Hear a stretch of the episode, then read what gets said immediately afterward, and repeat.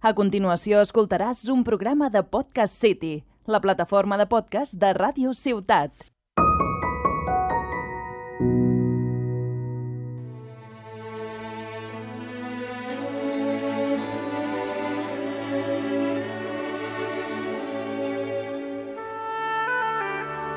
Plenitud a la vida quotidiana, un programa d'espiritualitat pràctica presentat per Jaume Arassa. Benvinguts i benvingudes al programa, al programa d'avui, en el que parlarem sobre l'ensenyança espiritual de les Sagrades Escriptures. Desvelarem aspectes ocults a l'Evangeli i descobrirem que en ell hi ha un camí perfectament traçat d'amor i misticisme. A la segona part del programa parlarem amb el director del Museu Bíblic Tarraconense, l'Andreu Muñoz, i escoltarem una bonica cançó interpretada per la Maria Arjona. I per acabar, el nostre col·laborador, en Xavier Vila, ens explicarà els misteris que amaga l'oració cristiana per excel·lència, el Pare Nostre.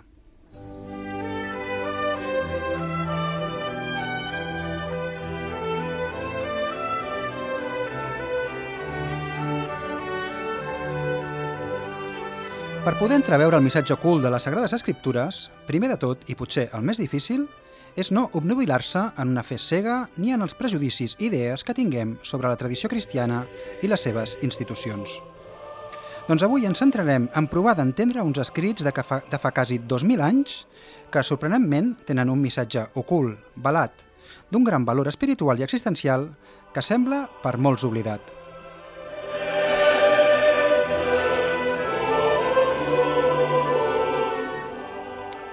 Per poder veure aquest missatge secret, primer de tot hem de deixar momentàniament de banda tot allò que ens han ensenyat sobre religió. Aparcarem momentàniament les doctrines apreses i ens situarem a l'experiència directa. És a dir, en disposició receptiva, amb la ment i l'efecte oberts.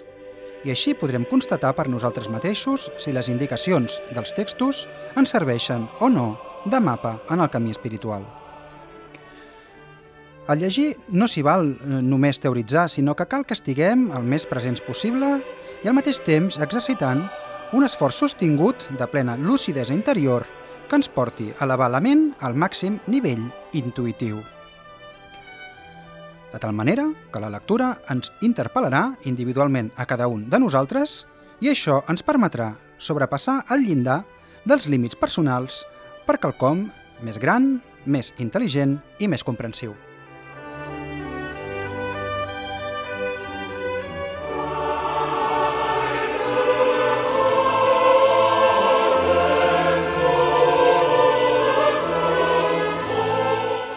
La clau per treure profit de les escriptures és anar més enllà del sentit literal de les paraules i entreveure-hi el significat simbòlic. Una pista que ens pot servir per veure si estem situats en la perspectiva correcta és que els passatges i les paràboles que a simple vista semblen confosos i violents deixaran de ser-ho i en canvi veurem que ens estan orientant en aspectes espirituals i de l'existència en el món. Igualment, ens n'adonarem que amb el seu missatge Jesús no pretenia tant que limitéssim exteriorment, ni ser l'ídol de ningú, ni tampoc volia donar exemple, sinó tan sols ser testimoni de que aquí, a la Terra, és possible establir un vincle amb el pla espiritual. De tal manera que a través de la nostra consciència podem ser capaços de viure donant pas al ser essencial.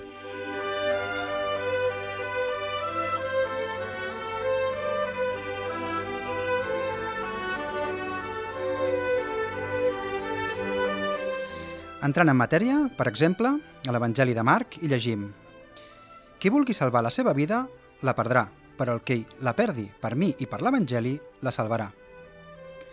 El que ens està indicant, aquest fragment, és que hem d'aprendre a unir-nos amb la consciència espiritual. Només així salvarem la vida.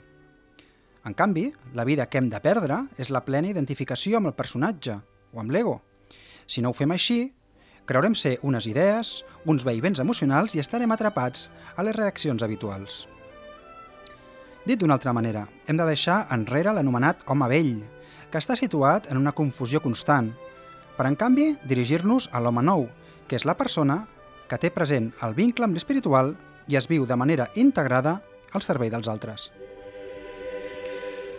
Tanmateix, per arribar a ser un home nou, que ha salvat la vida, ens ho hem de treballar. Hem de fer un esforç sostingut de presència dia a dia.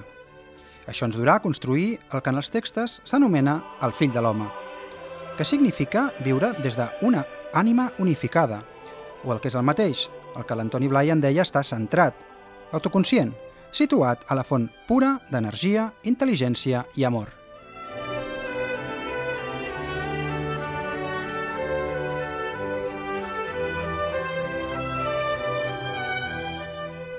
Per altra banda, a l'Evangeli de Marc hi diu «Estima els altres com a tu mateix». Convé ressaltar que no diu «més que a tu mateix», sinó que diu «com a tu mateix». Per tant, la conclusió que s'extreu és que podem estimar els demés només en la mesura que ens estimem a nosaltres mateixos, ni més ni menys.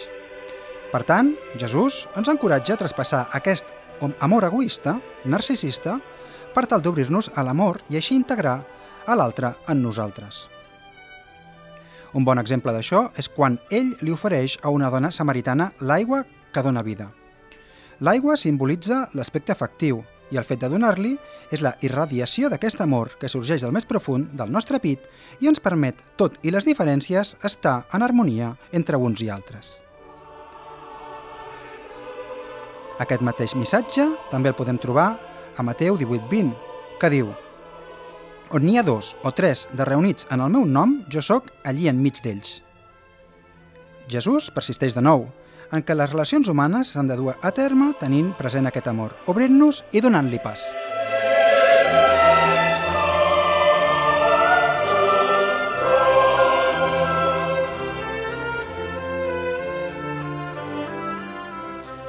El primer dels manaments que ressaltava Jesús era Estima el Senyor, el teu Déu, amb tot el cor, amb tota l'ànima, amb tot el pensament i amb totes les forces. Aquestes paraules són un estímul per tal que establim una relació directa des del nostre nucli individual, el jo, amb aquesta realitat espiritual. És el que es diu a Mateu 22.1, referint-se que davant del regne del cel cal anar vestit de bodes, és a dir, que per establir el pont amb aquest aspecte espiritual hem de ser conscients de tot el nostre centre i només així podrem permetre que descendeixi de manera estable la gràcia en nosaltres. Vist des d'un altre punt de vista, llegim a l'Evangeli de Joan, la llum veritable que venint al món il·lumina a tothom. Permetem, doncs, que aquesta llum, aquesta intel·ligència, entre per sobre dels nostres caps i es filtri a la ment i al cos, ens il·lumini i redimeixi, és a dir, ens guareixi, purificant la confusió i l'odi. Al deixar-nos impregnar per aquest nivell superior i persistint, ens transformarem interiorment, a poc a poc. Canviarem i ens farem com els infants.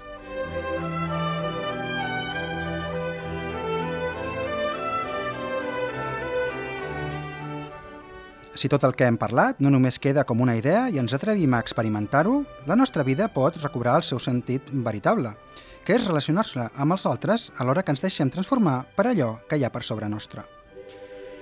Si ho fem així, farem com la llavor sembrada en terra bona i donarem fruit, és a dir, no ens deixarem endur per interpretacions basades en aparences, perjudicis i opinions. Viurem intensament i ens relacionarem des de la base més bona possible. Per acabar, dir que podríem dir moltíssimes coses més sobre les Sagrades Escriptures. Ara, com a conclusió, mirem de ser sincers amb nosaltres mateixos, no ens vulguem ocultar coses. I tinguem present el que deia l'Antoni Blai, que la vida espiritual és sempre el mateix. Treball, entrega, contacte, comunicació, sinceritat, estar despert, atents i oberts a l'espiritual. I això s'ha de fer d'una manera constant, decidida, total.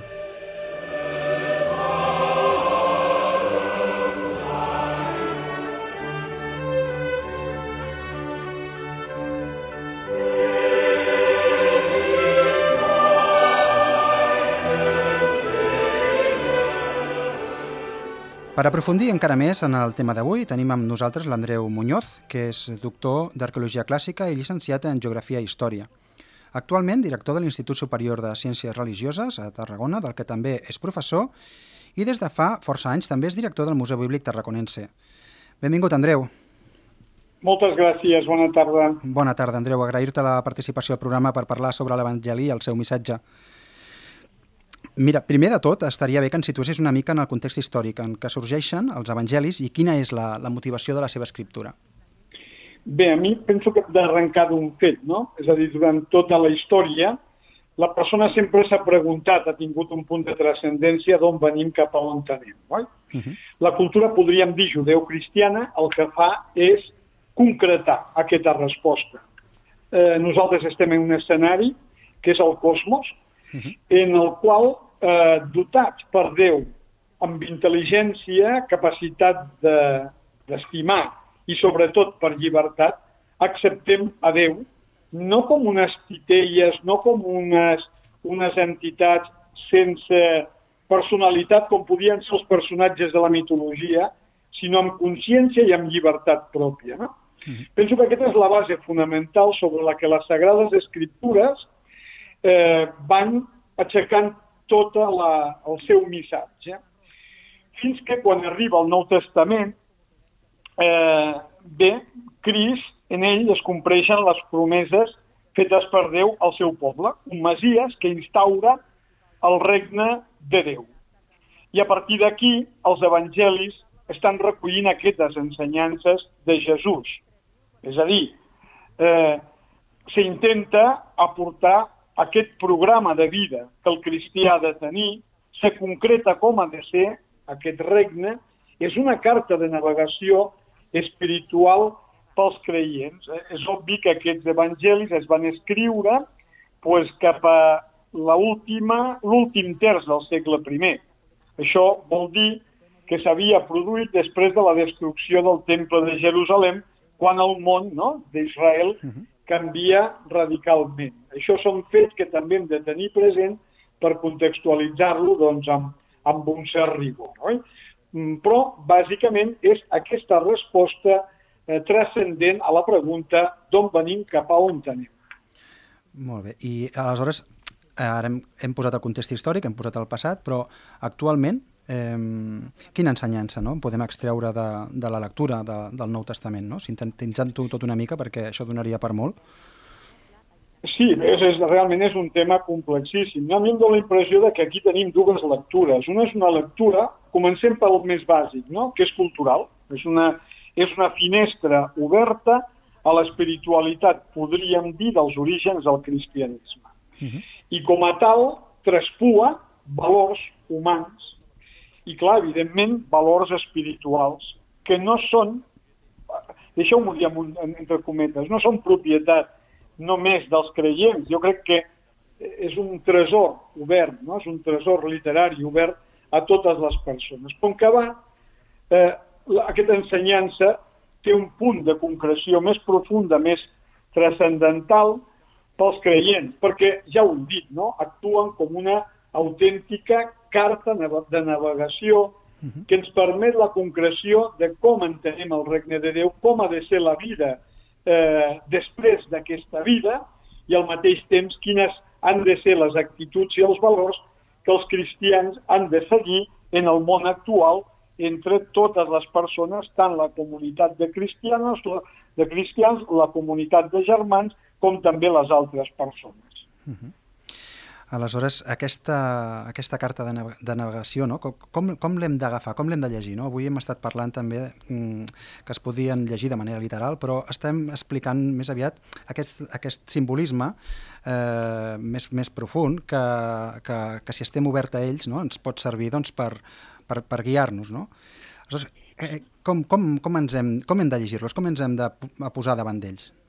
Eh, jo t'ho diré d'una forma a l'inrevés, no? Uh -huh. Què no hem de fer? Uh -huh. eh, què no hem de fer? Eh, Trivialitzar-los, no? Moltes vegades veiem com eh, una certa cultura, un pseudolaicisme, uh -huh. jo crec que més per un problema d'ignorància, trivialitza les sagrades escriptures i els evangelis. No arriba a comprendre que aquest evangeli té un context, té tot un seguit de recursos simbòlics, eh, uns elements també històrics, perquè la figura de Jesús s'imbrica dintre de la història. Encara que els evangelis no siguin pròpiament un llibre d'història, hi ha elements històrics que ens ubiquen a Jesús en aquest marc de la història on Déu se fa present.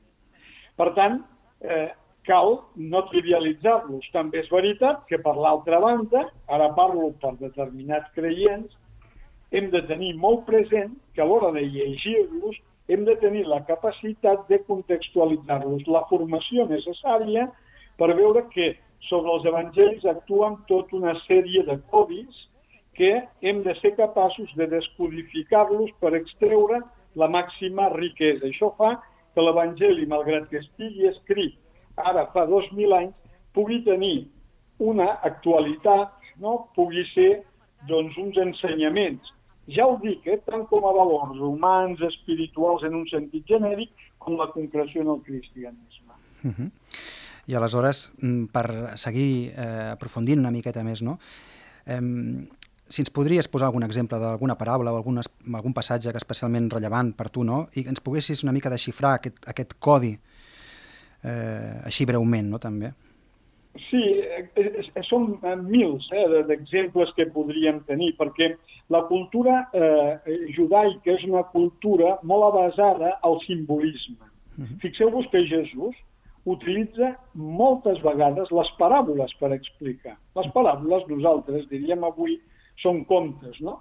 Però darrere d'un conte sempre hi ha un, un, un principi fonamental, no? un principi moral, una idea, un concepte profund. Eh, mira, els rics no poden entrar eh, als regnes com un camell no pot entrar dintre de l'ull de, de, de, de, d'una agulla, no? Quan nosaltres avui dia entenem que aquest ull de l'agulla ja no és una agulla de cosir, sinó és l'agulla, per exemple, que formaven les portes de la muralla. Quan un camell entrava tenia que treure's la càrrega per poder entrar primer el camell, després la càrrega. El cristià no pot pretendre no?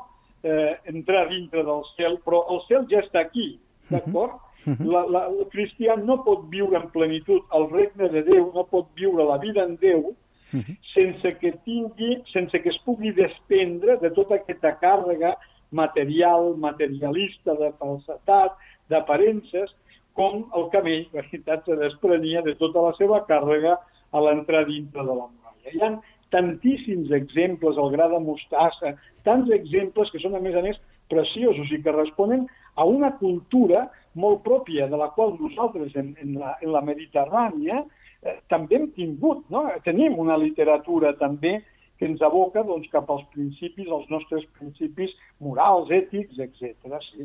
I després, clar, passatges que a mi, per exemple, me, frapin molt, doncs hi ha molts. No? Per exemple, jo, per mi, un dels pilars fonamentals sempre seran les benaurances, oi? Sí. perquè les benaurances són un autèntic programa de vida.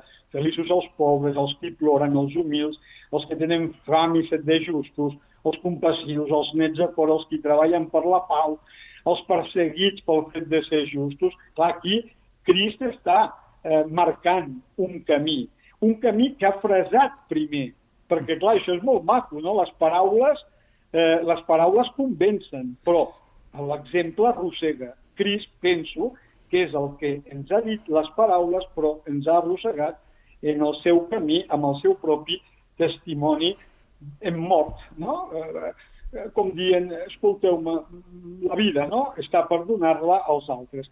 Jo crec que aquí se, eh, se, hi ha tot un pilar fonamental, un programa de vida, aquella carta de navegació que dèiem, doncs aquí tens pràcticament tota la ruta traçada. Sí, sí, sí, és espectacular perquè potser fins i tot s'hauria d'actualitzar una mica no? a, a les paraules d'avui en dia perquè la gent ho pogués comprendre, perquè la gent si, si, si, si ho entenés, eh, ostres, li, li trobaria el, una altra vegada doncs, el, el valor que, que, que realment té, no?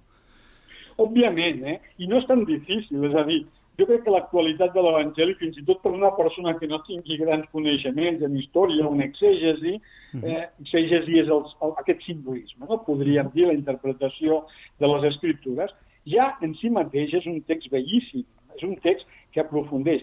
Òbviament, quan aquella persona penetra en aquest món de l'exègesi de la història, aquesta actualització és molt més fàcil, més rellevant, però els problemes de fa 2.000 anys no, són tan, eh, no estan tan lluny dels nostres problemes. No hem canviat tant, eh? Uh -huh. És a dir, possiblement hem tingut un desenvolupament tecnològic molt gran, però encara som éssers ètics, som éssers morals, i un escrit com els evangelis o de, o, o, o de Sòcrates o d'un filòsof de l'antiguitat no dista tant de nosaltres moltes vegades.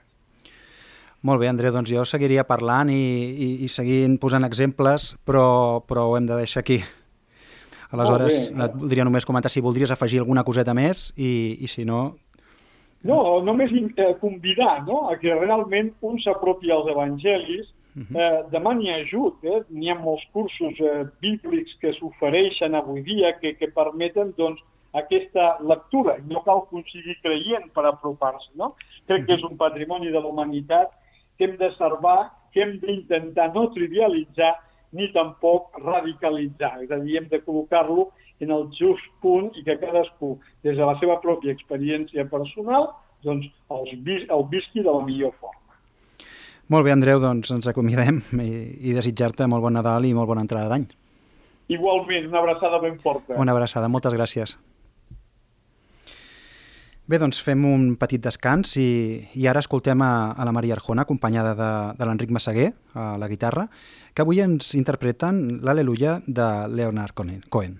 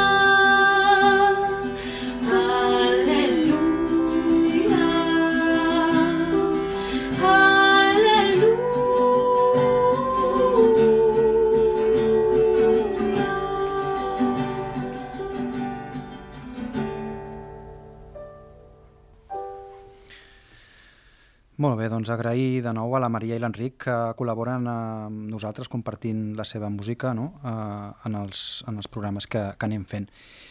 I ara doncs, eh, donem la benvinguda al, al Xavier, que avui ens acompanya des de casa. Eh, bona tarda, Xavier. Hola, bona tarda, Jaume. Molt bé, benvingut avui al programa que, que ja saps que estem parlant sobre el missatge ocult, o no tan ocult, l'estem desvelant no? de, de les antigues escriptures. I avui, avui què ens portes avui? Bé, doncs, eh, avui parlarem de, del Pare Nostre, que és la pregària central del cristianisme. Uh -huh. eh, segons el Nou Testament, a diferència d'altres oracions, aquesta va ser directament ensenyada per Jesús. Uh -huh. Els evangelis expliquen que quan els seus deixebles li van demanar com havien de pagar, Jesús els va ensenyar aquesta pregària. Molt bé, doncs si, si et sembla, l'escoltem i després la, la comentem.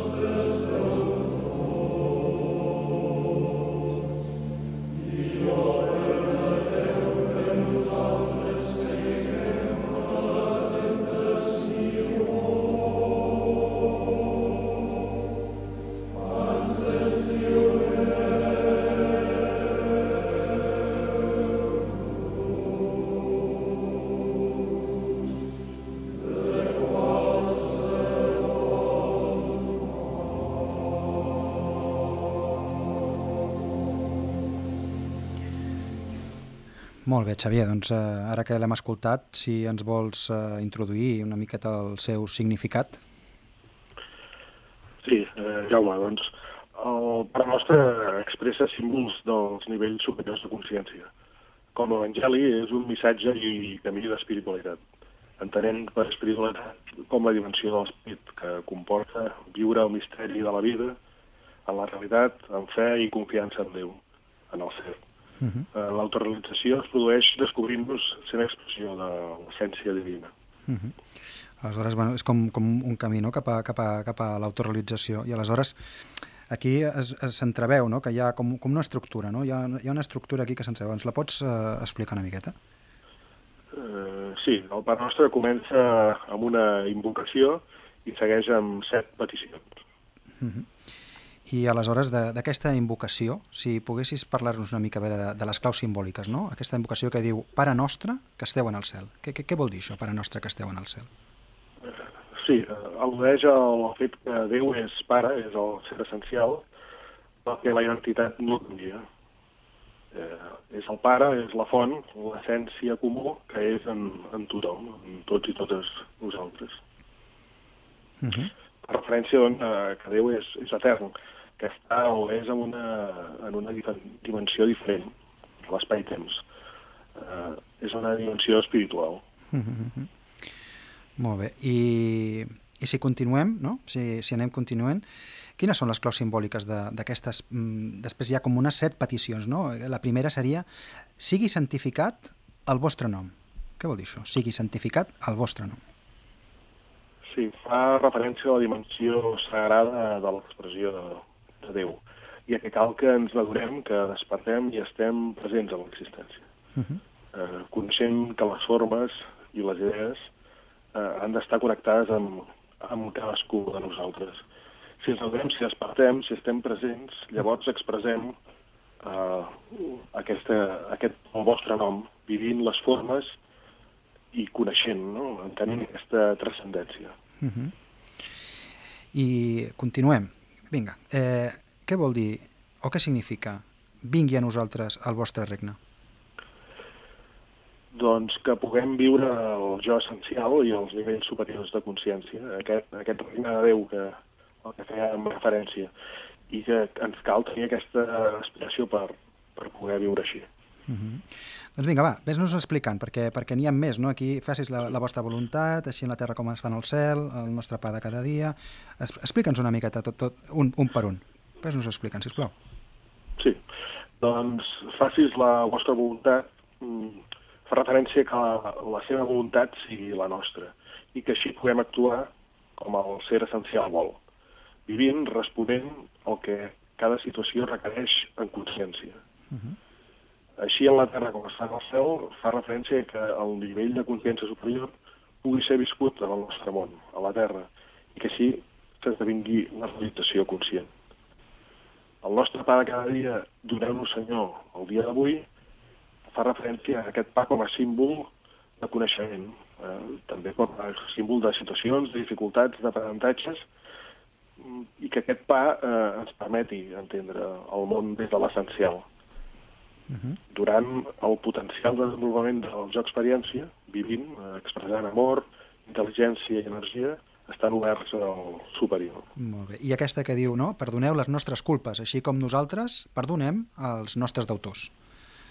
Aquesta és sí, interessant. Eh, sí, és, és veure que no hi ha culpa, que eh, hi ha el pecat, que com a desorientació per no reconèixer en la unitat per aquesta desconnexió. Aquest pecat per no tenir en compte el pla superior. Cal, doncs, la consciència de totalitat i llavors no hi ha d'autors, no hi ha a creadors i sí unitat i justícia. I és just el que vol la unitat. En aquest sentit, perdonar els nostres autors vol dir ser conscients de la unitat, amb aquest pla de treball conscient i present. Uh mhm. -huh. mm. Molt bé. I no permeteu que nosaltres caiguem a la tentació. Aquí la tentació fa referència a aquesta alternativa a la consciència del jo essencial. Però la tentació és l'aferrament a la forma, aquesta desconnexió, aquest egoisme, l'ego, el personatge, que no s'identifica en la unitat. Uh -huh. I, I aquesta per últim, no? Ans deslliureu-nos de qualsevol mal. Si el mal és creure separat de Déu. Si ens vivim com a canal d'expressió de Déu, si llavors es viu en pau, hi ha acceptació serena, acceptació que no vol dir resolució, acceptació que comporta eh, viure en fe, acceptació del misteri, experiència del transcendent, que també pot integrar el mal. Entenem que aquest mal és fruit de la ignorància per no eh, viure en, en plenitud, que no, per no viure com aquest canal que dèiem. I per tant aquest mal es pot acceptar per transformar-lo i transcendir-lo. Doncs moltes gràcies, Xavier. Jo crec que avui ja, ja has fet prou feina, no? Déu-n'hi-do. Sí, moltes gràcies a tu, Jaume. Sí, desgranar I, el Pare Nostre no, no és una cosa que es faci habitualment i, i realment crec que pot ser molt útil per molta gent que és realment un símbol molt potent i, i aquest missatge que, que es pot entendre en aquesta dimensió que dèiem. Uh mhm. -huh. Gràcies, gràcies home, i fins, fins al proper programa. D'acord, Xavier. Ens veiem.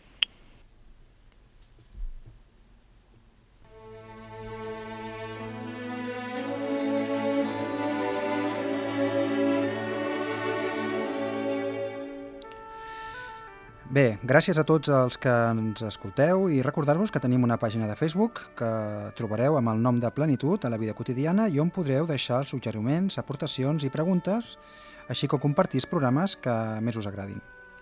Agrair a l'Òscar, com sempre que està al control tècnic, moltes gràcies. Avui va vestit de Nadal, encara que no el vegueu, i això dona sempre alegria, no? I estàs aquí, doncs, passant-ho bé fins i tot. Molt bé, doncs, a tothom, si ho desitgeu, ens retrobem al proper programa. Fins aviat.